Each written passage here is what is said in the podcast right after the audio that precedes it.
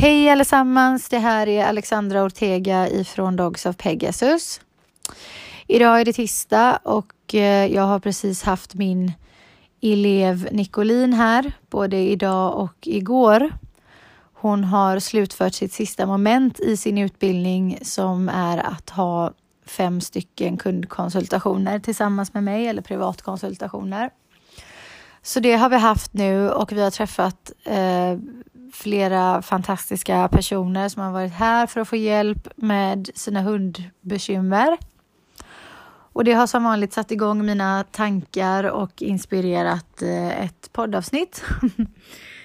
Så att en sak som jag funderar över när vi gick igenom de här olika fallen, för det var helt olika typer av hundar och olika typer av problematik, även om de ingår i samma kategori, för det gör de oftast. Men det här ska egentligen inte handla om deras specifika fall, utan en tanke som slog mig eh, när man lyssnar på de här berättelserna som vi får ta del av från början och så vidare.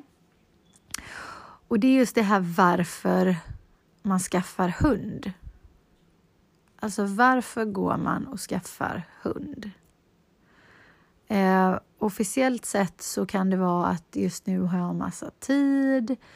Eh, jag fick hunden i present, hade vi faktiskt en nu här i dagarna som hade fått. Eh, alltså en massa en massa förklaringar som egentligen inte är förankrade i, alltså på djupet. Och jag kan se att Alltså om man tänker förr, hur det var för länge, länge, länge sedan. Eh, då skaffar man ofta hund i syfte... Alltså man behövde en hund för att jaga, man behövde en hund för att vakta, man behövde en hund för att transportera saker eller skydda någon. Eh, ha ihjäl en massa ohyra på skepp och allt vad det var för någonting. Alltså de hade ett väldigt specifikt syfte och det var därför man skaffade hund. Och sen har det blivit mer och mer sällskap hela tiden. Och eh, numera så betraktar vi våra hundar som familjemedlemmar och det är inte mig emot. Alltså mina hundar är, är min familj i allra högsta grad. Men jag ser, det, har liksom, det blir en skillnad då i hur man fostrar hunden, hur man ser på hunden, hur man hanterar hunden vad man har för inställning och filosofi och så vidare gällande hunden. Och eh, idag så kan jag se att väldigt många människor skaffar hund eh, för att de saknar något i sitt liv. Och många gånger är det någon att ösa all kärlek som man har, alla känslor som man bär på eh, över någon.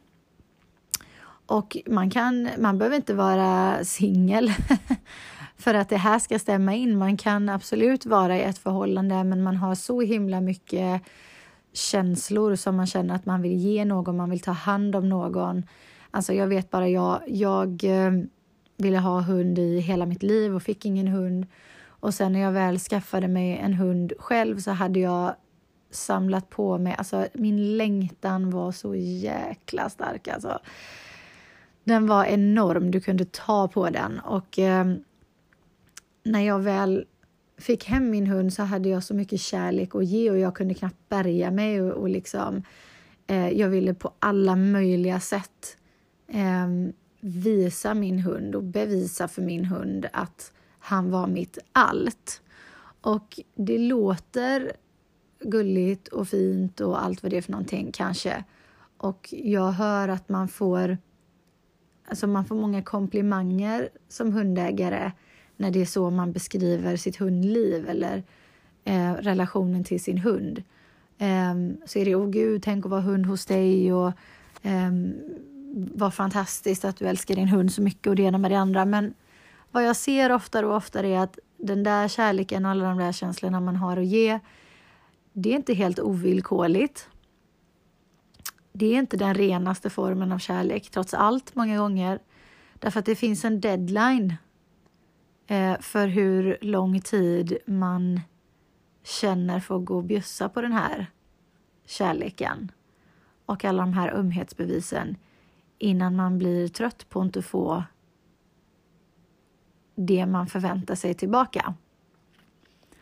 Så att vi har till exempel träffat en del människor här nu bara de här två dagarna som eh, har skaffat en hund och eh, det är deras allt och de lever för den här hunden och de älskar den här hunden och på alla sätt och vis, precis som jag en gång i tiden, så livet går liksom ut på att klura ut olika och nya sätt hela tiden att visa sin hund att man älskar den så himla mycket och hela tiden blir man bekräftad av sin omgivning att man är så fantastisk för att man gör precis på det här sättet.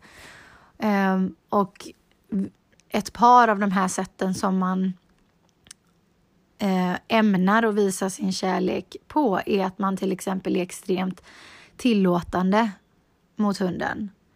Man låter den göra mycket som den vill och man, låter, man ger den 700 olika valmöjligheter. Ehm, det finns inga gränser för vad hunden har att välja på. Den får vara överallt inomhus. Ehm, den får uppmärksamhet först när den ber om det och sen även när den kräver det. Ehm, vill den leka så får den leka, vill den vara i knät så får den vara i knät, vill den ligga nära så får den ligga nära, vill den vara i möblerna så får den vara i möblerna. Vill den fram till folk så får den gå fram till folk. Alltså man är så himla tillåtande.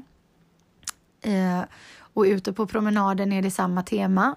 Så att vill hunden gå med nosen i backen hela vägen så får den väl gå med nosen i backen hela vägen. Och eh, allting den vill lukta på, allting den vill fram till, varje gång den vill stanna Alltså man hela tiden går och servar sin hund och servar sin hund och servar sin hund med eh, perspektivet att det är så man visar kärlek och det är så man är snäll. Det är så man eh, övertygar sin hund om hur mycket den betyder för att man tänker någonstans att bara den vet det, bara det är glasklart för hunden, så kommer jag förr eller senare bli älskad på samma sätt tillbaka. Så att hunden kommer att bekräfta mig som människa. Hunden kommer att bekräfta hur värdefull jag är och hur omtyckt jag är och hur älskvärd jag är och hur attraktiv jag är på alla sätt och liksom att man blir lika viktig för hunden som man är för den. Det är den visionen man har och den kan vara helt uttalad. Vi har haft folk här de här dagarna som har uttryckt sig precis så och vi har haft folk som vi har upptäckt att det är så, jag och Nicolin. Människan har varit omedveten och så har vi fört det på tal. Och då har de varit jättemottagliga för det för att någonstans innerst inne har man Alltså det, det, går inte att säga annat. Man, det rimmar väl hos en när man väl får det presenterat för sig på det sättet. För att ja, då inser jag väl att det är faktiskt så jag håller på.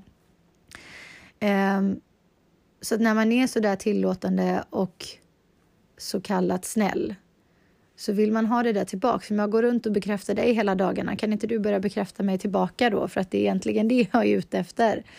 Och hur vet man då att det är så? Jo, därför att vad man får när man är så där tillåtande är inte en hund som överöser en med kärleksbetygelser hela tiden och eh, är så himla trevlig och snäll och respektfull och hänsynstagande, utan tvärtom. Man får en jobbig, överexalterad, krävande, rastlös, eh, överaktiv, klängig, nervös, ängslig, gnällig brat till hund. Och den här hunden behöver inte vara följsam. Vad ska den följa? Människan följer ju redan. Människan följer ju redan efter hela tiden. Människan håller ju längst ut i kopplet och bara knatar efter på promenaden, så bokstavligen så följer man redan. Och rent mentalt så är människan så uppkopplad på hunden så att hunden behöver inte följa människan för att människan följer hundens mönster hela tiden. Har du det bra? Behöver du något mer? Behöver du något mindre? Ska jag rätta till någonting? Ska jag ta bort någonting? Ska jag lägga till någonting? Alltså man är hela tiden där och checkar så att hunden har det bra. Så vem ska hunden följa? Det finns ingen att följa. Människan har redan försatt hunden i en ledarposition och följer efter hunden hela tiden. Um, och då, då får man liksom en hund som, okej, okay, jag behöver inte vara följsam, det är uppenbarligen inte nödvändigt. Du banar vägen för en annan typ av relation. Så att eftersom det är jag som är viktigast här i den här duon eller i den här familjen, i det här hushållet och mina behov är främst i alla lägen och min vilja framför allt är, går först. Den går före alla andras och vad jag behöver och vad jag vill ha är liksom prio ett. Um, så att eftersom du inte bryr dig om vad du vill eller vad du behöver och du bara springer runt och servar mig hela tiden ehm, så kan jag lika gärna behandla dig som luft. Du blir som luft för mig. Fram tills att jag vill ha mat, fram tills att jag vill ha uppmärksamhet, fram tills att jag vill ha klapp, fram tills att jag vill leka, fram tills att jag vill någonting. Så klart att jag går till dig, för du servar ju mig, du är ju min betjänt. Men i övrigt så behöver jag inte bry mig. Så, så, så fort man tävlar med någon, någonting annat som pockar på uppmärksamheten, så fort man går utanför dörren, så fort man får gäster, så fort eh, det kommer in en distraktion, så klipper hunden kontakten med en. Det är det som blir, blir problemet, att jag sätter mig hela tiden i andra rummet. Jag sätter mig hela tiden som någonting sekundärt. Så att det är precis så min hund behandlar mig till slut. Jag blir sekundär för hunden. Allting annat går först. Alla andra hundar går först, alla andra fåglar går först, alla katter går först, alla människor går först. Um, allting som, alla distraktioner som finns där ute, allt, allt blir en distraktion. Och så lyssnar hunden dåligt och så tycker man att hunden börjar dra i koppel, för det gör den. Den börjar dra i koppel, den börjar dra mot andra, mot andra hundar eller människor eller vad som helst. Man försöker få in den, den lyssnar inte, man försöker få uppmärksamheten. Den bryr sig inte, den ser igenom en hela tiden. Den behandlar dig som luft, den bryr sig inte. Alltså mina kunder, det är liksom den röda tråden för i princip alla att min hund lyssnar dåligt. Jag får inte uppmärksamheten, han, han eller hon är inte följsam. Um, och vad jag än gör, vad jag än viftar med, vad jag än mutar med, vad jag än säger, vad jag än lockar med, så i bästa fall räcker det ett par gånger, sen lyssnar inte hunden längre. Så att jag ser samma sak hela tiden och till slut då så når människan sin deadline. Att nu har jag gått och älskat på dig i ett helt år eller flera år på det här sättet och du bara drar i mig, du struntar i mig, du kör över mig eh, och så vidare. Så att jag är trött på att ha det så här nu. Och då finns det väldigt många hundar som åker ut på Blocket till exempel. Det finns hundar som till och med blir avlivade för att den har en problematik som ingen står ut med vid det laget. Men det finns också folk som söker hjälp i det skedet och det är de vi har träffat nu då till exempel som bara säger att alltså inte en dag till av det här. Jag orkar inte mer. Vad ska jag göra? Varför behandlar min hund mig så illa och vad ska jag göra för att få tillbaks en relation som, som bygger på ömsesidig respekt. Att inte jag bara går runt och respekterar min hund. Att inte jag bara går och visar omtanke och kärlek eh, och förtroende för min hund, men jag får inte de bitarna tillbaka. Eh, och då har vi pratat mycket om att det är jätteviktigt att införa en struktur. Utan struktur så blir hunden inte tillräckligt mentalt stimulerad och utan det så blir det ingen balans, vare sig i hunden eller i relationen. Ehm, det är väldigt viktigt att, man, att det bygger på ge och ta och att allting är ömsesidigt så att det inte blir obalans. För att det är klart, respekterar man bara den ena parten ehm, så är det obalans där med en gång. Det är inte ömsesidigt, det blir en ond cirkel alltihopa.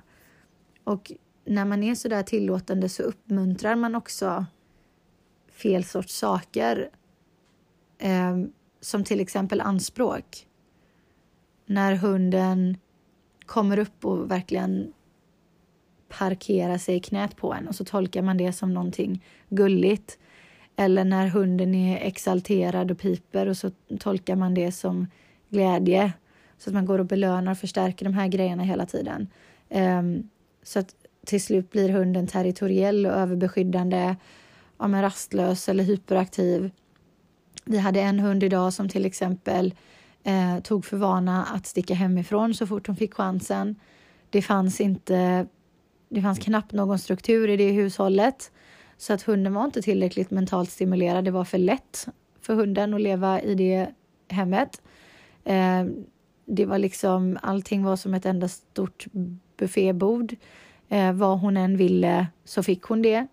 Eh, var, liksom, ville hon uppmärksamhet så fick hon det. Ville hon ligga på 20 olika ställen överallt så fick hon det. Så hon blev väldigt rastlös. Och det här var en självständig och väldigt intelligent hund. Så att utan någon struktur, utan några förhållningsregler överhuvudtaget så blev miljön för tråkig för henne. Och den här matten hade dessutom, vilket är ett kapitel för sig nästan, en massa dåligt samvete för att hon Inbilla sig att om en, är man en bra hundägare så springer man väl på kurser titt som tätt och det ska vara agility och det ska vara spår och det ska vara rallylydnad och det ska vara nosework och det ska vara lydnad och det ska vara det ena med det andra. Och jag har inte intresse för det och så jag går inte de här kurserna och så får jag dåligt samvete för att det kanske inte är tillräckligt. Och mitt dåliga samvete gör att jag vill kompensera för det jag tycker att hon, eller det jag inbillar mig att eh, hon saknar. Så därför blir jag väldigt tillåtande i övrigt. Så att till exempel hade hon flexikoppel på sin hund hela tiden och lät henne eh, gå som hon ville på promenaden, stanna när hon ville, röra sig som hon ville och det ena med det andra så att hon blev eh, reaktiv, väldigt skällig, dragig, jobbig att hantera. Kvinnan fick ont i sin arm och det är det jag undrar att liksom varför bryr man sig bara om hundens välbefinnande i det läget? Varför är min arm inte viktig? Varför är det inte viktigt att jag går hem och är frustrerad och ledsen och besviken och har ont i min kropp till och med? Kanske ramlar och allt möjligt för att min hund drar omkull mig. Varför måste jag komma hem och vara frustrerad och ledsen? Um, varför ska, måste relationen se ut så? Är det verkligen sant att enda sättet för min hund att vara lycklig och tillfreds med sitt liv är på bekostnad av min säkerhet och mitt välbefinnande. Så att för att min hund ska bli lycklig och nöjd så måste jag göra avkall på allt som är viktigt för mig. Så att jag går och blir behandlad som en dörrmatta. Ska det verkligen vara så? Och för mig är det självklart att svaret på den frågan är nej. Ehm, jag är minst lika viktig som min hund. Alltså, om jag ska vara rädd om min hunds kropp, om min hunds välbefinnande, om min hunds trygghet och, och så, så vill jag ha samma sak tillbaks. Men jag kan inte gå och fostra hunden eh, på ett väldigt, vad ska man säga, lössläppt sätt och sen tro att de där bitarna bara ska falla på plats. För det gör de inte. Så att vi har pratat väldigt mycket de här dagarna om att strukturen är A och O. Överallt i världen finns det förhållningsregler. Um, om de inte är upprättade av människor så upprättas de av naturen och djuren. Så att det finns förhållningsregler var man än är. Och eh, när det inte finns i hemmet så blir miljön för det första väldigt tråkig. Så att kurser är all ära, men det gör man ganska så sporadiskt även om det skulle vara regelbundet. Och det ersätter inte hundens behov av att ha en struktur hemma och ha förhållningsregler och en vardags rutin hemma. Och då tänker inte jag rutin som man gör samma saker varje dag på samma tider utan att rutinen är till exempel, ja, men som i det här fallet med den här hunden som jag nämnde nu, så var det så att den hunden, och, och så var det faktiskt med hunden vi träffade precis innan henne också, som var en hane. Och båda de här hundarna var väldigt rastlösa, de kunde inte komma till ro. De flyttade sig hela tiden, de vankade av och an, de gnydde. Hanen var på sin matte hela tiden och skulle börja kampa i kopplet så fort vi satte oss ner och skulle prata. Eh, så började han kampa i kopplet och dra i henne och klättra på henne och vanka av och an. Och Tiken som vi träffade efter var samma sak, flyttade på sig hela tiden, kom liksom aldrig till ro. Hon låg på ett ställe en stund och sen så reste hon sig upp och gick till en, två meter bort och la sig där. Så låg hon där en stund och låg och kved och hade det allmänt jobbigt. Och, eh, så det här var liksom en gemensam nämnare för båda de här hundarna. Och båda de här ägarna, de var alltså inte hos oss samtidigt och har aldrig träffats och har ingenting med varandra att göra. Eh, och verkligen helt olika hundar, både rasmässigt, storleksmässigt, temperamentsmässigt, kön, ingenting. De hade liksom ingen gemensam nämnare förutom att de var hundar båda två och hade ägare som gjorde på liknande sätt. Och båda de två hade inbillat sig att hundarna flyttade runt hela tiden för att de blev varma. Men så jäkla varmt är det inte att en hund behöver flytta på sig titt som tätt och inte kommer till ro någonstans, utan det är för många valmöjligheter för den typen av individ. Så att istället för att säga, vet du vad, där har du din bädd, gå och lägg dig där, stanna kvar där. Så att hunden bara, okej, okay, jag behöver inte ens tänka på något annat, det här är det alternativet jag har blivit, eller det här är det direktivet jag har blivit tilldelad. Det är bara att gå och lägga mig och chilla och så slipper hunden bli nervig och gå upp i varv och tänka, ja men jag kanske inte ligger så bra här, jag lägger mig där och sen, nej men jag ligger nog inte bra här heller nu, jag lägger mig där. Alltså, bli bara stressad av alla de här valmöjligheterna. Och då hjälper det jättemycket att ge hunden, alltså anvisa hunden till en specifik plats som du har valt ut. Och du väljer naturligtvis ut en plats som kanske, alltså mitt råd är att placera bädden till exempel mitt emot där man brukar sitta så har man en, alltså om du tänker så här, vilka utrymmen vistas jag mest i hemma hos mig? Det brukar ju vara köket, vardagsrummet och eventuellt sovrummet eh, där hunden är med. Alla hundar får inte vara i sovrummet och, och det är ingenting negativt med det, snarare tvärtom i så fall. Eh, och där kan man ha en specifik plats som sin hund får vara på så att man låter inte det, man lämnar liksom inte det åt slumpen så att hunden hamnar där den hamnar och så inte mer med det utan hunden har en bädd precis som vi har fasta platser i huset också och det kallar vi för möbler. Så att vi sitter liksom kanske inte rakt på golvet när vi har en soffa utan vi skaffar en soffa och sen sitter vi i soffan och vi somnar inte på hallgolvet utan vi skaffar en säng och så sover vi i sängen och vi sitter inte och äter på tröskeln utan vi skaffar bord och stolar och sen sitter vi där. Så att vi har också fasta platser i varje rum i vårt hus. Varför skulle hunden inte ha det? Det gör att vi behöver aldrig fundera över vart man sitter bäst utan vi har redan funderat på det en gång och det var när vi skaffade de här möblerna och möblerade och sen är det klart. Så då har vi ett bekymmer mindre i våra liv liksom. Och så gör vi inte det med hunden så att till hunden är det liksom, ja men lägg det var du vill eller sätt det var du vill och bara den valmöjligheten för en hund kan vara extremt stressande. Så då är det mycket bättre att ha en bestämd plats för sin hund och där får den vara kvar. Och då kan den vila och ta det lugnt den tiden. Jag menar, man går ändå sina promenader och man gör väl kanske grejer utöver det också. Um, så att hunden stimuleras bort ifrån hemmet ändå. Och så kommer man hem och då har vi de här förhållningsreglerna att när vi tar det lugnt i vardagsrummet, ja, men då ligger du i den bädden. Och när jag lagar mat eller någonting och är i köket och du ska vara med där, då ligger du i den bädden som är där inne. Och när jag sover, om du nu får vara i sovrummet, så har du din bädd på golvet där. Så att man liksom, hunden har också sina möbler, eller vad man ska kalla det, och så får den vila där. Och då stävjar man också eh, territoriella beteenden och anspråksbeteenden. Därför att man, hundar blir mer skarpa, mer territoriella eh, över saker som de har valt eller hittat själva. Så att ger man en hund någonting så är det lättare att få tillbaka det sen än om de hittar det själva till exempel. Och ger, anvisar man dem till en specifik bädd så är de mycket, eh, vad ska man säga, mycket mer följsamma och milda i sitt sinne än om de väljer en bädd själva. För att det skyddar man mycket mer. Det betyder mycket mer att hitta den här själv och det, kan, det, det, spelar ingen roll om det du har är bättre än det jag har för att den här har jag minsann hittat själv. Så att ingenting slår det liksom och så blir hunden lätt skarpare. Um, så vi har pratat om sådana grejer men, men det är bara de här konsultationerna fick mig verkligen att tänka mycket på det för att vi hade också en, en, en tredje konsultation då med en kvinna som hade fått sin hund som jag sa i eh, födelsedagspresent. Så att hon var inte alls beredd på det. Det var en överraskning. Hon hade inte tänkt sig någon hund egentligen. Hon är inte en hundmänniska i grunden. Men hon hade naturligtvis förälskat sig i den här lilla hunden som hon fick.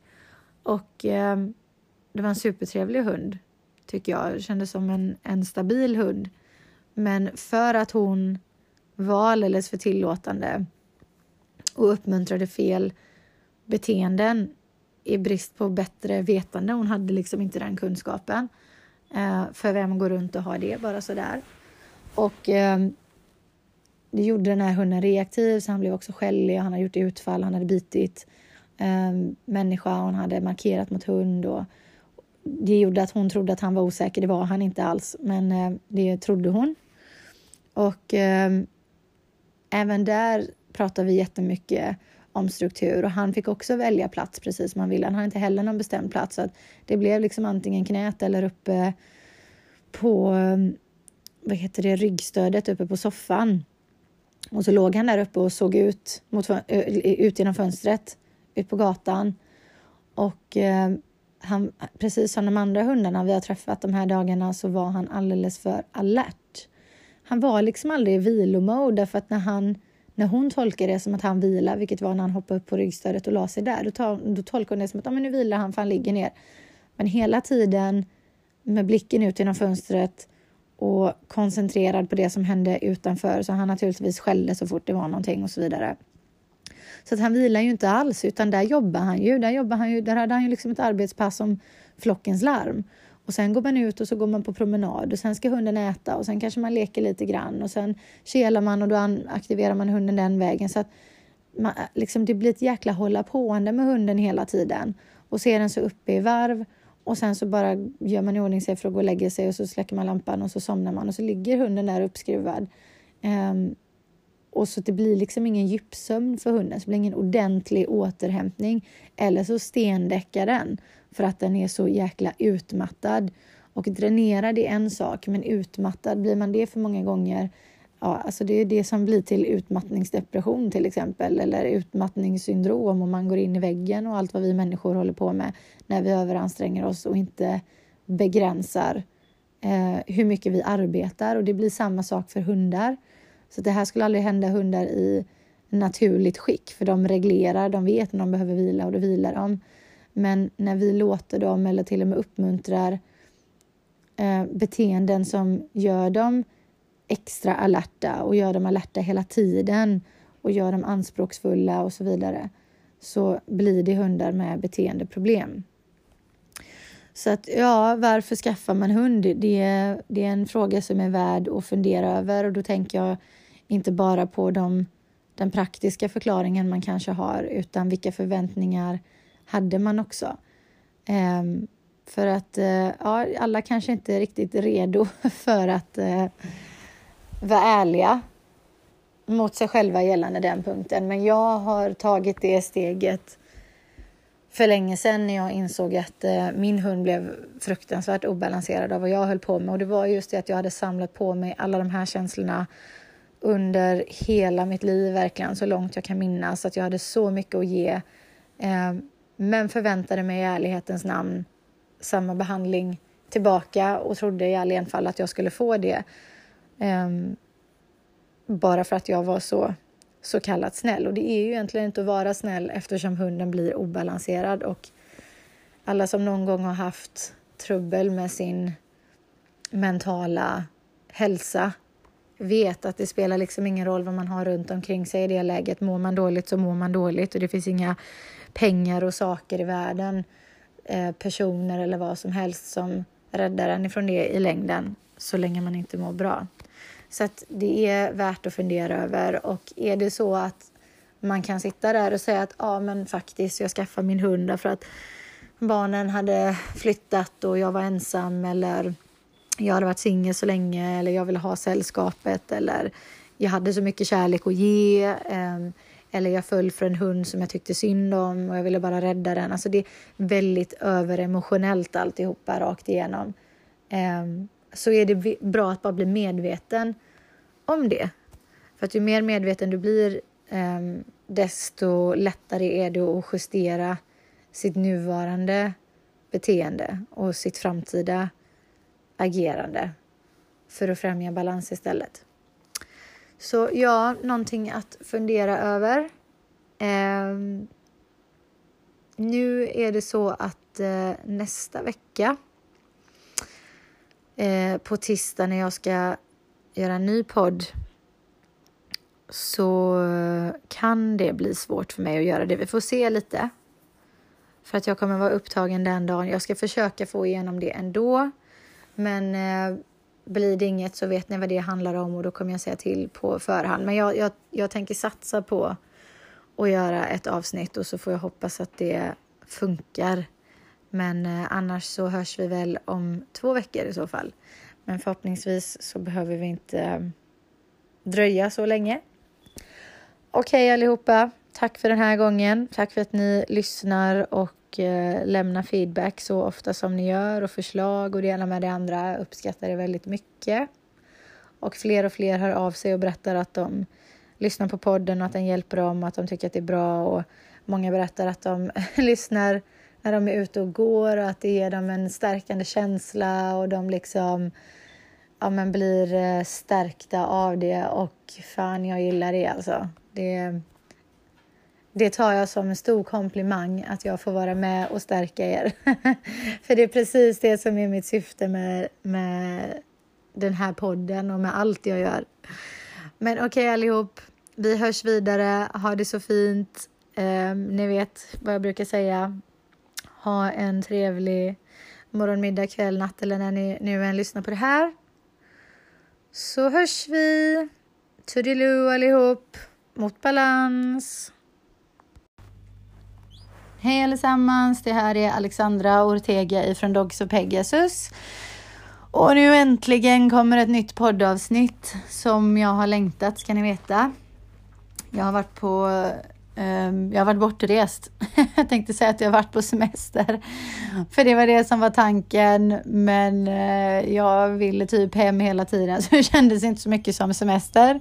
Utan jag var bortrest och hade egentligen planerat att spela in Ehm, ett avsnitt ändå. Men det blev inte så. Och nu känns det bara så himla länge sedan. Och ehm, ja, det är skönt att det är dags.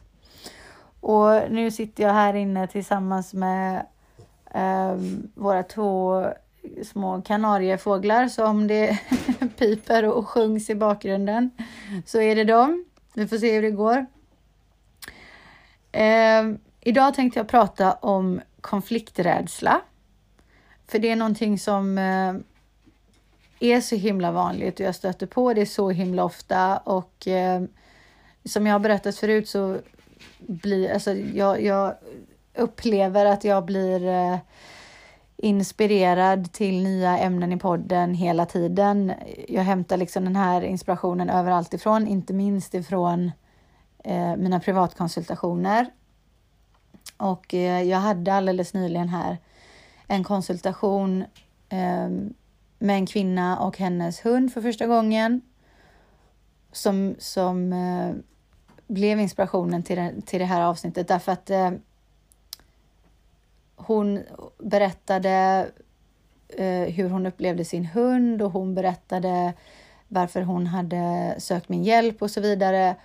Och den röda tråden, alltså det som jag såg som en gemensam nämnare hela tiden genom allt hon sa utan att hon var medveten om det själv, Bara att det bara skrek att hon var konflikträdd. Och eh, några konkreta exempel var att eh, nu börjar jag sjunga så här.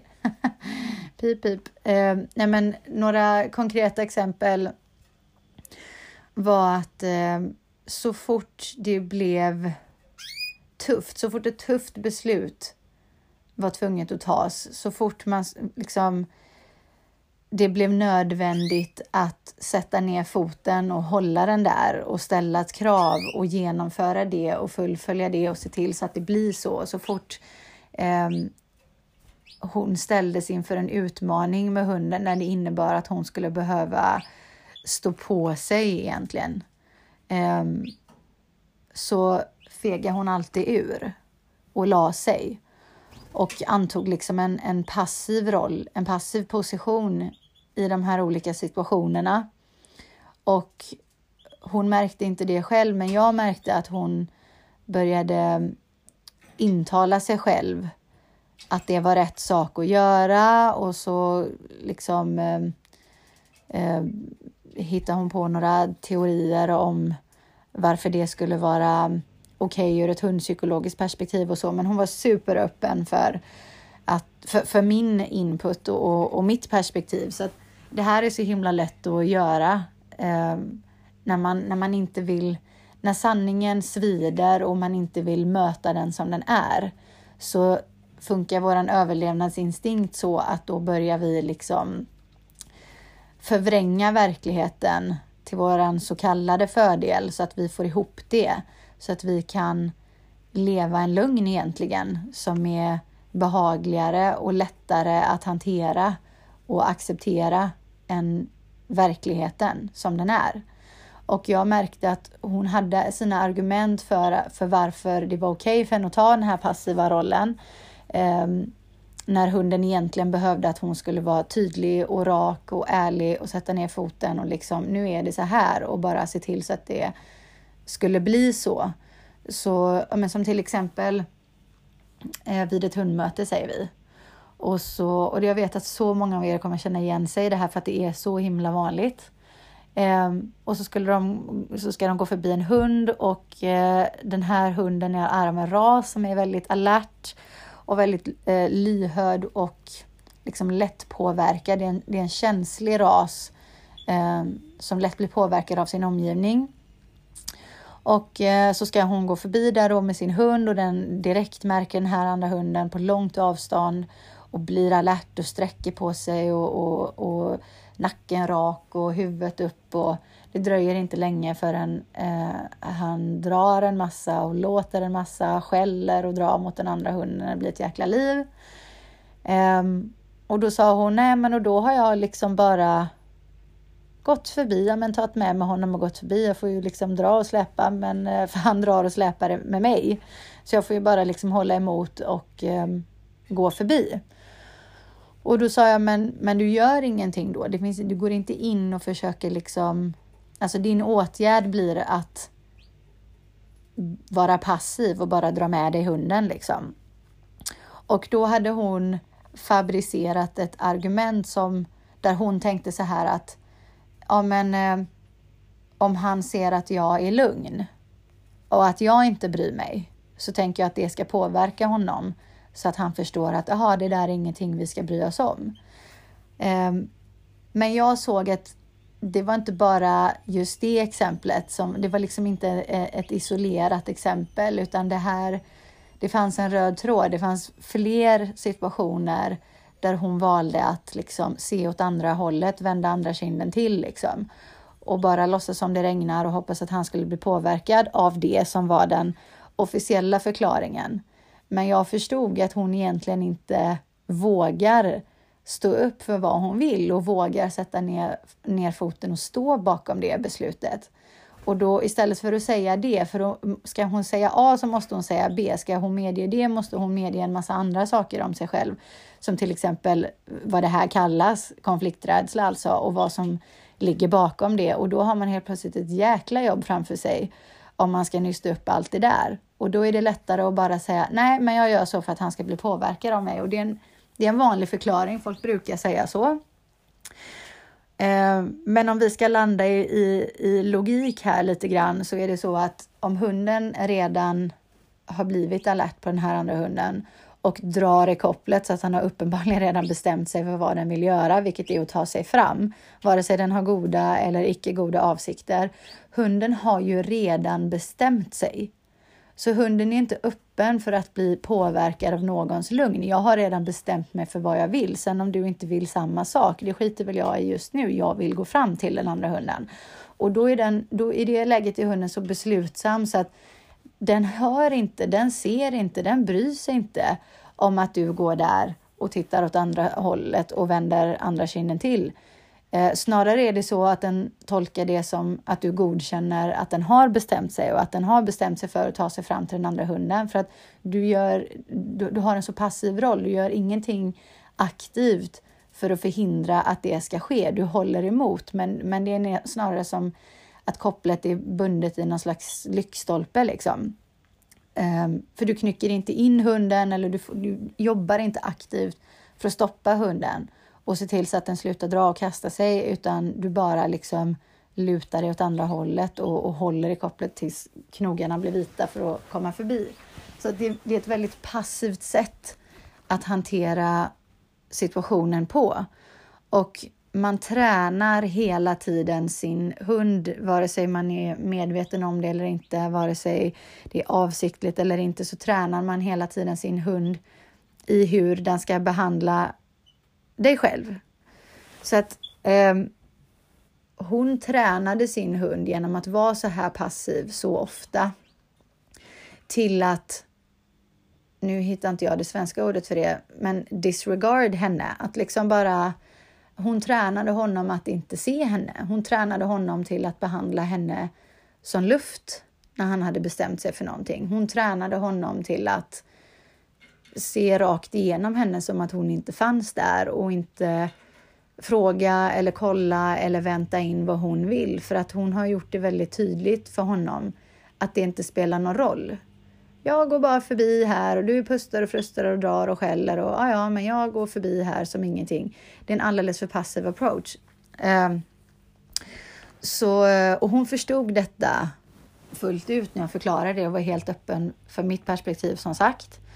Um, men jag, jag kan jag kan återkomma till det fallet sen hur, hur um, jag la upp det efter det. Men bara för att återgå till själva konflikträdslan i sig. Jag känner att det bottnar i att man egentligen har en dålig självkänsla. Ni vet, man brukar höra det här att ensam inte är stark och det är sant i en massa sammanhang.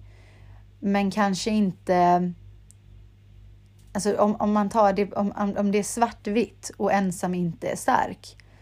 Ja, men då är jag ju svag i mig själv. Om jag är ensam, är det bara jag så är det svagt, så är det vekt. Man, man vill liksom ha någonting mer, man vill ha någon mer. Det räcker inte med bara mig.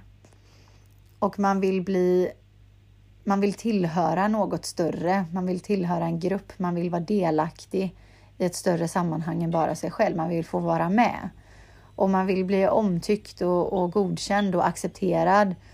Och när man vill det, för att göra det, så är det så lätt att anpassa sig. Jag, alltså jag hade önskat att människor var så trygga i sig själva som personer och den de är och vad de vill och vad de står för, vad de vill representera. Att de är så trygga i det. Så att istället för att anpassa sig till alla andra så attraherar man personer som är överens med ens äkta jag. Så att i slutändan så sitter man där med, även om det inte är många personer, ehm, men så sitter man där med en liten klick människor, eh, eller stor, vad vet jag, det spelar ingen roll, eh, som vill vara där för att du är du, inte för vad du kan göra åt eller för dem. Ehm, och eh, när man börjar anpassa sig för att få det här godkännandet, för att få vara med och man blir accepterad, det slutar med att man blir godkänd, man får vara med för att folk köper den här fasaden eller vill vara med dig för vad du kan göra för dem. Då, även om inte det är bra i förlängningen så där och då ger det en en tillfällig känsla av god självkänsla som är lätt att bli beroende av så att man blir liksom yes, nu fick jag vara med här. Fan vad gött, jag blir accepterad, de tycker om mig inom citationstecken. Jag får vara med och nu får jag känna tillhörighet. Jag är med i den här gruppen, jag är delaktig, jag är inte själv. Så nu är jag stark. Därav är jag stark för att jag får vara med. Och så blir det lätt att man fastnar i det här ekorrhjulet som bara spinner vidare, att det blir ett mönster i ett beteende och så fort man stöter på en konflikt eller någonting som um, liksom går ut på att man inte är överens med någon så är det så lätt att man lägger sig i den konflikten och inte står på sig och inte gör sin röst hörd ordentligt. Därför att Gud, tänk om det slutar med att jag inte får vara med längre. Tänk om det slutar med att jag inte är godkänd längre, att jag inte är omtyckt längre, att jag inte är accepterad och jag, jag blir liksom utkickad från den här eh, gruppen. Och det vore ju så hemskt för då måste jag gå tillbaks till att vara ensam och ensam är inte stark. Så att det blir liksom en ond cirkel hela tiden. Och sen tar man med sig det här konceptet till sitt hundägande. Så att man försöker köpa hundens godkännande genom att vara tillåtande. För tillåtande är ett annat ord för att liksom vara snäll, tror många. Många tror att om jag aldrig säger nej eller om jag säger nej väldigt sällan um, och ja till det mesta och är så himla rolig och, och liksom jag vill Alltså det är smickrande för mig att min hund alltid viftar på svansen och blir hysterisk av glädje eh, när den ser mig och hoppar och, och, vill vara hos mig och ska ligga i mitt knä och slicka mig i ansiktet hela tiden. Och det, det bekräftar att jag är omtyckt liksom. Och det ger mig den här känslan av att vara accepterad och godkänd. Och den känslan blir jag beroende av, så jag vill ha den här responsen ifrån min hund så ofta det bara går. Och jag har märkt att om jag är tillåtande så har hunden roligt och då är det roligt att titta på hunden och se på hunden och då känner jag mig duktig och bra för att det är tack vare vad jag har tillåtit och vad jag har gått med på som hunden håller på så.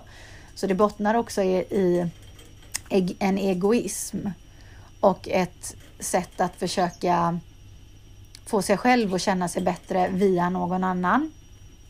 Som vi gör så ofta eh, på olika sätt. Ehm, men problemet är att bara för att man är omtyckt så betyder det inte att man också är respekterad och att andra känner tillit till en och känner sig lojala mot en.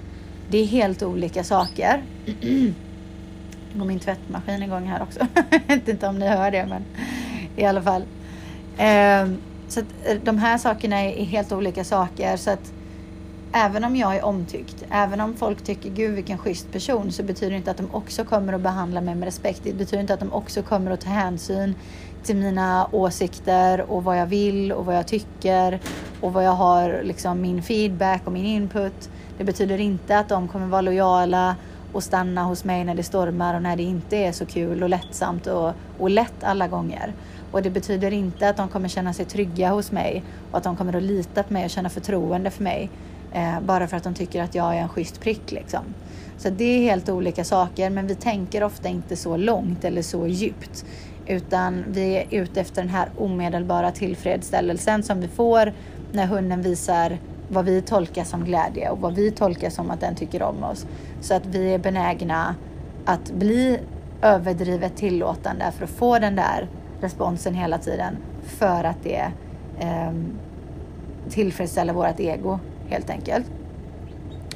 Eh, problemet är ju också då att när hunden börjar ta för sig för mycket och den börjar dras med beteenden som inte är så roliga, inte är så praktiska, inte är så gulliga och som kan bli rent av farliga och hunden helt plötsligt måste stoppas.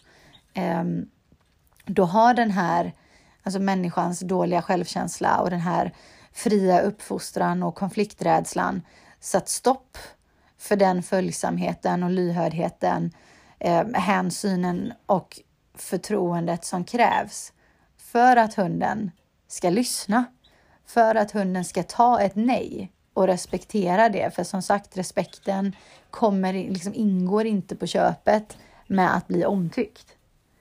Så att då helt plötsligt uppstår en konflikt. Nej, Fluffy, nu vill inte jag att du ska göra utfall. Lägg av med det, till exempel. Och hunden bara, men snälla, vem är du?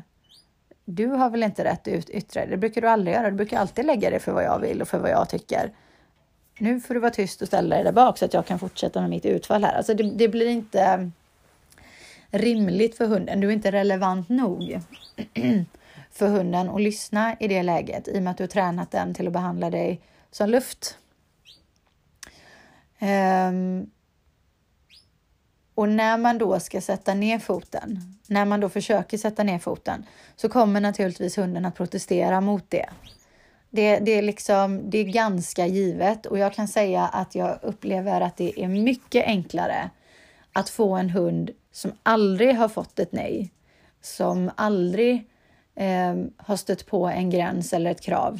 Det är mycket lättare oftast att få en sån hund med den typen av, eller med icke existerande fostran, att få ta ett nej, för de blir så chockade, de är inte vana, så att när man sätter ner foten mot en sån hund så blir det världens reaktion. Det blir världens grej, för att herregud, det här har jag aldrig sett på förut. Och så blir den så spak så att det är lättare att få den att lyssna på initialt. Än en hund som där folk har liksom gått och försökt sätta gränser hela tiden. man säger någonting och så menar man det inte riktigt eller man kräver någonting och sen ja, ja, det är inte så noga att det blir så sen eller jag kan kompromissa, vi slutar i någon slags gråzon eller så blir det som hunden vill ändå för att den visade sig vara mer uthållig och ihärdig än vad jag är. Och de hundarna är svårare för att när jag sen kommer in och ska säga nej till den hunden och då menar inte jag verbalt utan visa att nej är nej och eh, kanske tillrättavisa hunden eller vad som helst, stoppa hunden på något sätt. Eh, då är jag liksom ytterligare en person som ska ge mig på det här med att stoppa hunden där hunden nästan skrockar åt mig och bara fast snälla du, det här har väl jag varit med om förr. Eh, och jag vet hur detta brukar sluta. Ni snackar så himla mycket ni tvåbenta och så blir det aldrig något av det. Så jag, jag möter mycket mer nonchalans eh, hos de hundarna och eh, i det här fallet som jag börjar beskriva i det här avsnittet. Där märkte jag att det var så med den hunden att i den här familjen hade man försökt sätta gränser och försökt eh, sätta ner foten men inte fullföljt det. Därför att när jag sen skulle göra det så såg jag verkligen på hunden och så himla tydligt på hunden eh, att eh, ja, men det här har jag varit med om förut. Det här är ingen grej. Här kommer du nu och ska spela bestämd och så vet vi båda hur det kommer sluta. Så att jag var verkligen tvungen att bevisa mig där under en längre tid. Fast jag är inte som alla andra du har mött. Jag gör inte som alla andra har gjort, utan nu har jag sagt att det är det här du ska göra, vilket var att han skulle vara still bara. För han ville härja och hålla på och skälla på allt möjligt och vara hispig och hysterisk. Och det fick han inte, så att jag ville att han skulle stanna kvar vid min sida eh, och vara tyst. Och han gick igenom olika faser så att den första fasen var att han skulle dra åt alla håll och kanter och trotsa kopplet och bara nej, jag skiter väl i det här trycket. Jag brukar dra på ändå och sen ger det med sig.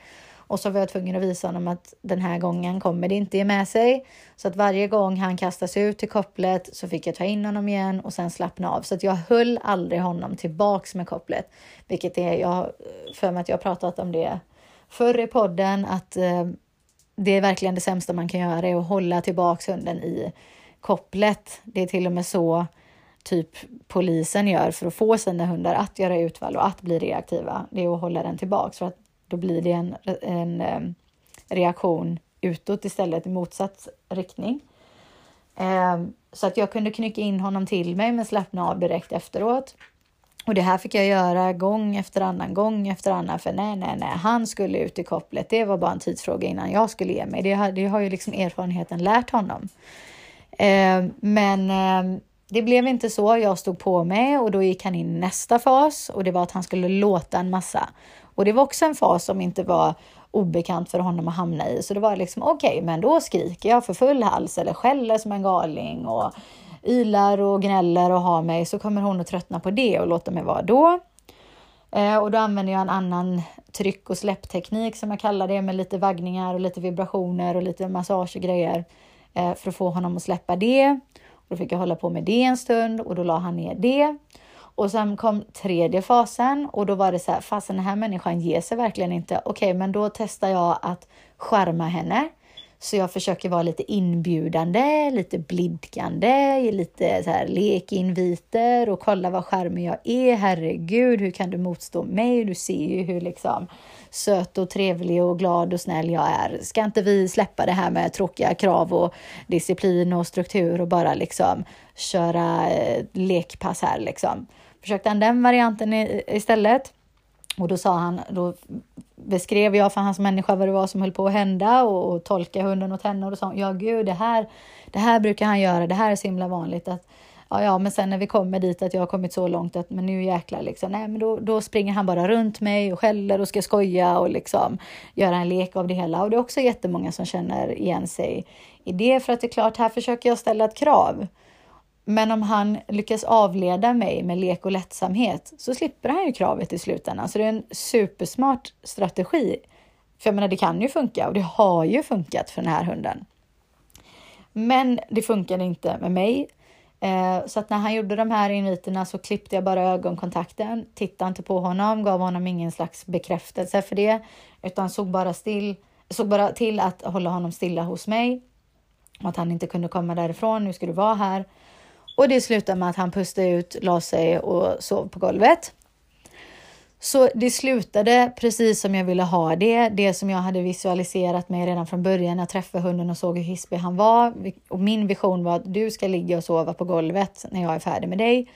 Det är ju ingenting som attraktionslagen bara ser till att det blir så för att jag vill, utan jag måste ju investera jobb i det här. Jag måste anstränga mig för att det ska bli så. Det var precis det jag fick göra och det gick i uppfyllelse, om vi nu ska kalla det så. Jag lyckades skapa den sinnesstämningen. Den kommer inte av sig själv. Och det är då man får komma ihåg att jag och han har ingen tidigare relation. Vi har aldrig träffats förut, så att redan från liksom stund ett så har jag bara arbetat för att representera struktur, disciplin, lugn, självbehärskning, att vara sansad, respektfull, lyhörd, följsam. Alla de här grejerna för att jag har integritet och jag vet vad jag vill och jag kan stå på men Jag är inte konflikträdd. Så att när jag ställer de här kraven och jag är medveten om att bara för att jag vill någonting så är det inte så att hunden servar mig så någon jäkla betjänt med det med en gång, utan jag måste vara beredd att visa att jag är värdig de här resultaten och framförallt att jag inte accepterar någonting annat. Eh, och det kan ta en stund. Och han protesterade mot mig ändå för att han är van vid att folk testar och fullföljer inte. Men nu fullföljde jag och det gick bra. Eh, men hans matte kanske inte kan förvänta sig samma snabba resultat, för de har en lång historia av att hon har påbörjat någonting som hon i slutändan inte genomför. Så att han har tränats till att inte ta henne på allvar. Hon har tränat honom till att inte ta henne på allvar.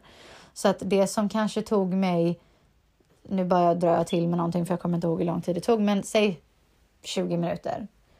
Eh, kanske tar henne en timme så att det, det är bara verk, det är så verkligheten ser ut. Det är det som är mer realistiskt och även om det tar henne en timme att få honom lugn och sansad och så gör hon det vid ett tillfälle och så gör hon det vid två tillfällen och så gör hon det vid ett tredje tillfälle. Hunden kommer och, och, och sam, liksom, i början när han inte är van så skulle det inte förvåna mig om han liksom wow, okej, okay, nu verkligen menar hon allvar. Här får jag passa mig och liksom lyssna för att hon köper inget annat helt plötsligt. Ja, okej, okay, men då gör jag det.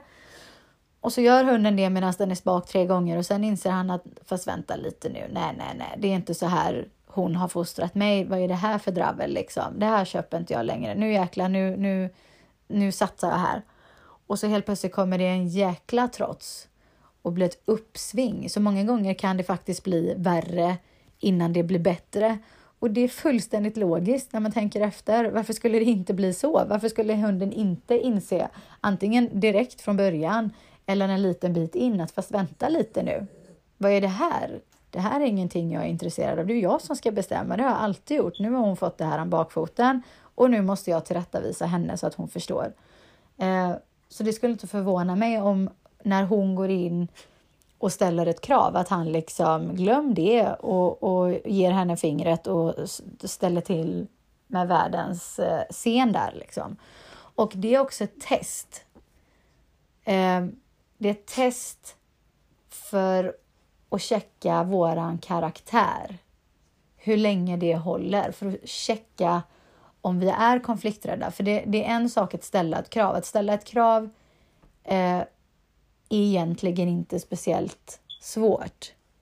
Men ställa ett krav när det är ganska så givet att du kommer stöta på motstånd eller driva igenom det kravet när du blir överraskad av att stöta på motstånd.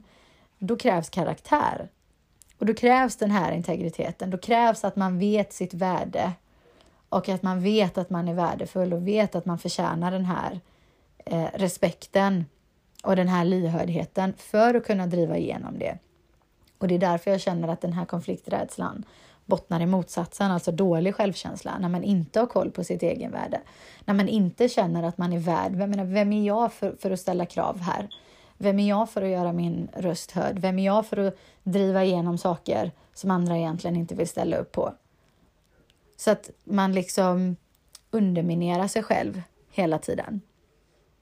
Och jag, jag känner att Alltså ett, ett, ett, tips från min sida när man inser att herregud, det är mig hon pratar om. Jag känner igen mig så himla mycket i det här. det är att först och främst landa i logiken. Landa i logiken, ta en djupare titt på det här. Alltså på riktigt, hunden lever i människans värld. Om hunden ska lösa saker så som hundar alltid löser saker så kommer det att se annorlunda ut än vad vi egentligen accepterar i vårt samhälle. Så att de behöver lära sig att anpassa sig till den strukturen som människan har bestämt att vi ska ha i vårt mänskliga samhälle. Och hunden föds inte med de insikterna. De behöver någon som guidar, de behöver någon som vägleder. Till exempel, jag tänkte egentligen att göra ett, ett eh, separat avsnitt om det här, men jag kan dyka in i det lite snabbt. Um, gällande hundmöten och problematik kring hundmöten som ändå är det vanligaste som folk söker hjälp för. Där man liksom inbillar sig att ja, men hundar bör kunna gå förbi andra hundar. Det är väl det som är normalt, att, att hunden ska liksom passera andra hundar utan att bry sig. Och det är inte helt sant faktiskt. För att när hundar passerar varandra i naturligt tillstånd, eller vi ska kalla det, utan människor eh, och utan reaktion, utan reaktivitet, då gör de det på ett stort avstånd. Därför att hundar är instinktiva territoriella rovdjur. Så att man möts inte på en, meters, en meter bred trottoar. Det är alldeles för tajt. Så ska två främmande hundar mötas utan att reagera och hävda sitt revir inför varandra, då är det långt, ganska långt avstånd emellan. Och närmar de sig mot varandra och ska möta varandra, då har man vissa signaler och ett visst kroppsspråk för att checka så att den andra är överens om det innan man närmar sig, för annars blir det slagsmål. Och hundar har ihjäl varandra, det är ingen, det är ingen hemlighet. Liksom. Det, är inget, eh, det borde inte vara främmande för någon som har hund, oavsett vilken typ av hund, att de är instinktiva rovdjur. Det är verkligen ett steg man inte borde få hoppa över om man ska äga en hund. Eh, så att, att hundar reagerar på varandra så tajt som vi ofta begär att de ska mötas till exempel, är ingenting konstigt. Eh, det är inte ologiskt, men vi kräver att de ska kunna göra det ändå för att jag har inte alltid möjlighet att ge hunden 25 meter eller, eller mer för att gå förbi. Jag har inte alltid möjlighet att göra det. Ibland måste hunden kunna passera väldigt tajt ändå, speciellt om jag bor i stan och kanske liksom träffar 10-15 hundar på en promenad och de kommer efter varandra och det blir på tajta ställen. Liksom. Ehm, så då måste det kunna gå ändå så att vi ställer krav på hundarna som, som de egentligen på naturlig väg inte hade ställt upp på, eller det är inte så de hade gjort om de fått, hade fått lösa det själva. Så det är bara ett, ett exempel på vad vi kräver av dem att de ska kunna lista ut och göra bra. Och då måste vi ta våran roll som deras vägvisare på allvar och leda dem genom de här grejerna. Och är vi då konflikträdda så att vi har mer gemensamt med ett flyktdjur än någonting annat och hunden är ett instinktivt rovdjur, ja, då är det inte så konstigt att den tar över i den situationen.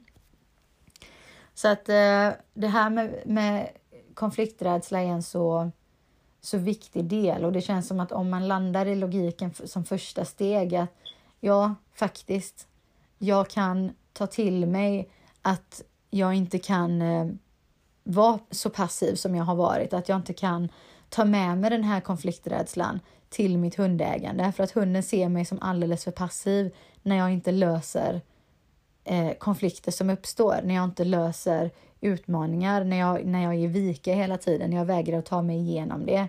Och det hjälper inte att man lindar in det i, i 20 ursäkter och, och bortförklaringar verkligheten är verkligheten ändå oavsett vad man vill linda in det i. Liksom. Hunden snappar upp det direkt, den har inga problem att göra det. Och när man landar i logiken, då börjar man känna sig trygg. Okej, okay, men då har jag svart på vitt vad det handlar om. Då vet jag hur det är, jag vet vad jag kan förvänta mig, jag vet vad jag har framför mig och det gör att jag kan stå på mig i det, för jag vet vad som är logiskt. Jag vet vad som är, är rimligt för hunden, vad som är rimligt för mig. Um, och det är viktigt att man är konsekvent. För att det att man är konsekvent som gör att hunden uppfattar dig som tydlig och ärlig och rättvis. Om du alltid har samma koncept, om du alltid har samma grundprinciper. Att du inte liksom är inkonsekvent med det och kör eh, på ett sätt en dag och sen har du en annan filosofi dagen efter och sen idag är det inte så noga. Ja, men idag är det supernoga för just idag ska vi träffa de här och de där och hunden har inte koll på ditt resonemang bakom dina beslut utan allt den kan se är dina beslut. Och därför är det viktigt att vara konsekvent i det. Och sen är det jätteviktigt också att vara både ihärdig och uthållig för att annars blir man tjatig och då blir man inte tagen på allvar. Alltså de som är tjatiga, de blir inte tagna på allvar. Och när man är tjatig så är det ofta för att man har väntat för länge innan man lägger sig i. Så att när man väl lägger sig i så är det för sent. Hunden liksom, men herregud, vem är du som dyker upp här på sluttampen liksom? Ehm, eller så är man inte intensiv nog och då, då menar inte jag intensiv i tonläget eller i röststyrkan liksom. Du blir inte mer tagen på allvar för att du skriker högre eh, eller för att du skriker mer. Utan när jag säger mer intensivt, då menar jag på insidan. Eh, när jag hade den här konsultationen då som jag har pratat om genom det här avsnittet. Eh, vid ett tillfälle så gick hunden, Eh, det var när han var lös i början, ja. Då gick hunden fram till eh, en fönsterruta i lokalen och så såg han någonting på utsidan och då började han göra utfall och skälla eh, intensivt emot det. Och eh, då ropade hon lite passivt på honom. Jag kunde känna att hon var säker på att han inte skulle lyssna och det vet jag också att många av oss känner igen oss i att man kan liksom man ropar på hunden egentligen bara för att visa omgivningen, människorna alltså, att man gör någonting. För att, hade, att bara sitta där helt tyst kan ju bli pinsamt för då tänker de att jag inte bryr mig överhuvudtaget. Så att jag ropar lite halvhjärtat på hunden och sluta så kan de i alla fall kanske tolka det som att jag inte är helt passiv, att jag åtminstone bryr mig lite grann. Eh, så hon kallade lite grann på hunden och han brydde sig inte och eh, då gick jag fram till honom för att ta bort honom därifrån. Um, och jag sa inte så mycket utan jag tror att jag, jag vet inte, ja just det, jag klappade i händerna en gång. Jag klappade till så här i händerna för att han skulle vakna till. Så det var en högljudd, högljudd klapp och då liksom, oj, då vaknade han till så där och då pekar jag med fingrarna så där in mot lokalen och bara gå därifrån, gå in med dig liksom.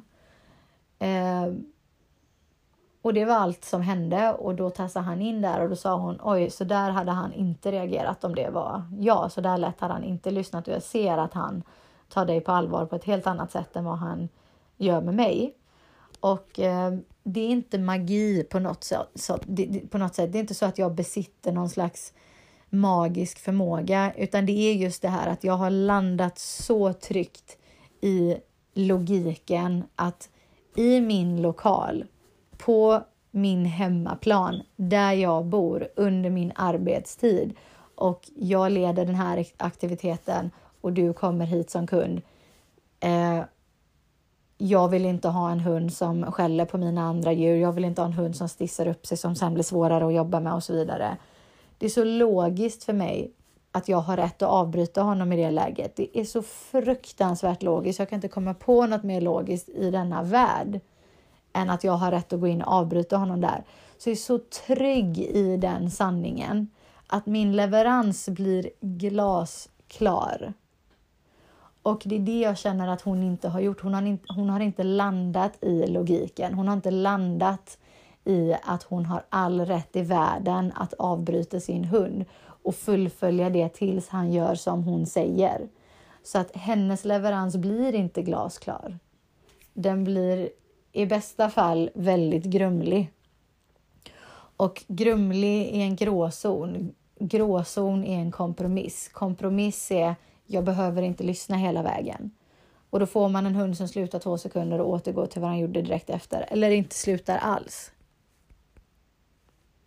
Så att jag önskar verkligen att, att folk tog tag i sin konflikträdsla och redde ut det, tog tag i sin självkänsla och sin egen vård och anammar att man behöver vårda sig själv och ta hand om sig själv och göra saker för att stärka sig själv inifrån och ut.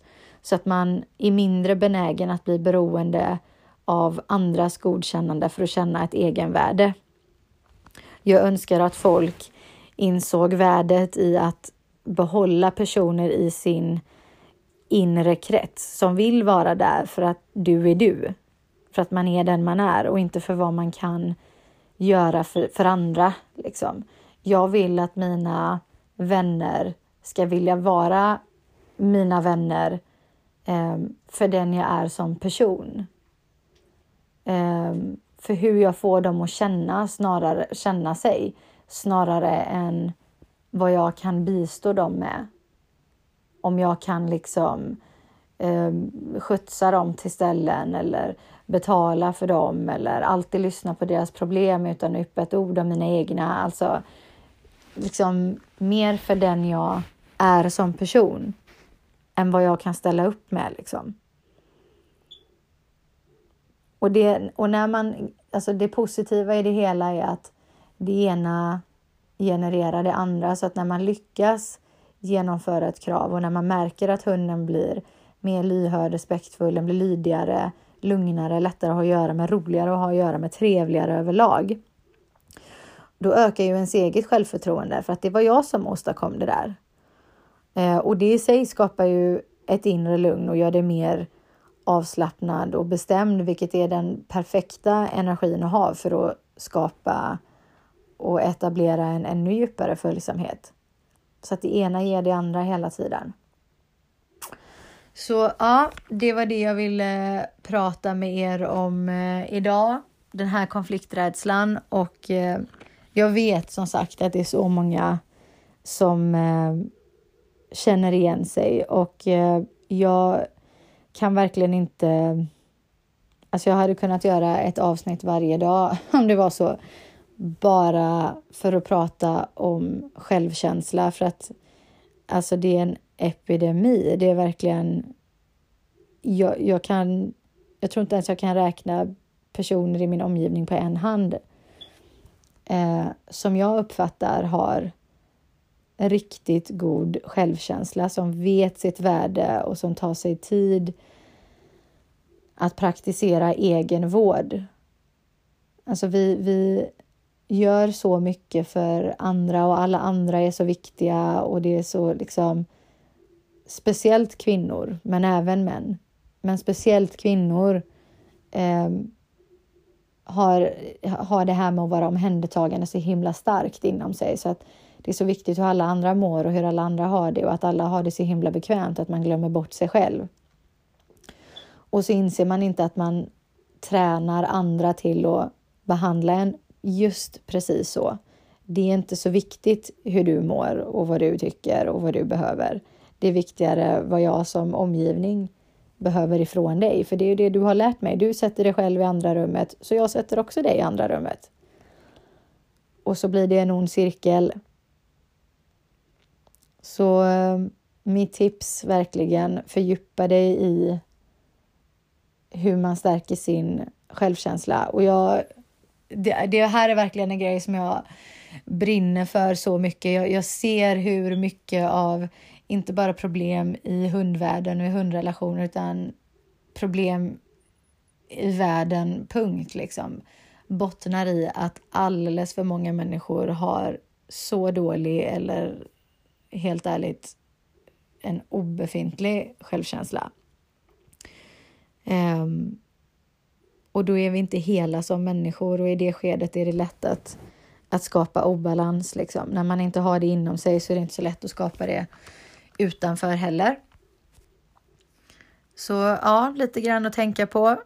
Um, insikt kan uh, göra ont för stunden. Det gör många gånger ont, ont för stunden och det är just det som gör att vi viker undan från obekväma sanningar. Jag vet inte om ni har hört, det finns ett, um, inte ordspråk, men um, där man säger liksom att det, det är mycket lättare att anamma en bekväm lögn än en obekväm sanning. Och det finns ingenting som är mer sanning än det där för mig. Ehm, för visst är det så. Många gånger så väljer vi tillfällig ehm, tillfredsställelse, ytlig tillfredsställelse, så länge den är omedelbar.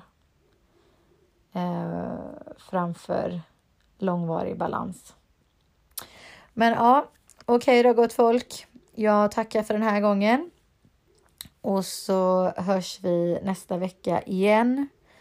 Jag är lite sugen på att göra ett avsnitt där jag, vi har pratat om det här förr, att jag har så himla svårt eh, för att besvara frågor gällande, ja men är det så här, min hund eh, gör så här, vad ska jag göra åt exakt min hund som gör så här till exempel, när jag inte har träffat hunden för att jag har så svårt att lita på hundägarnas egna bedömningar.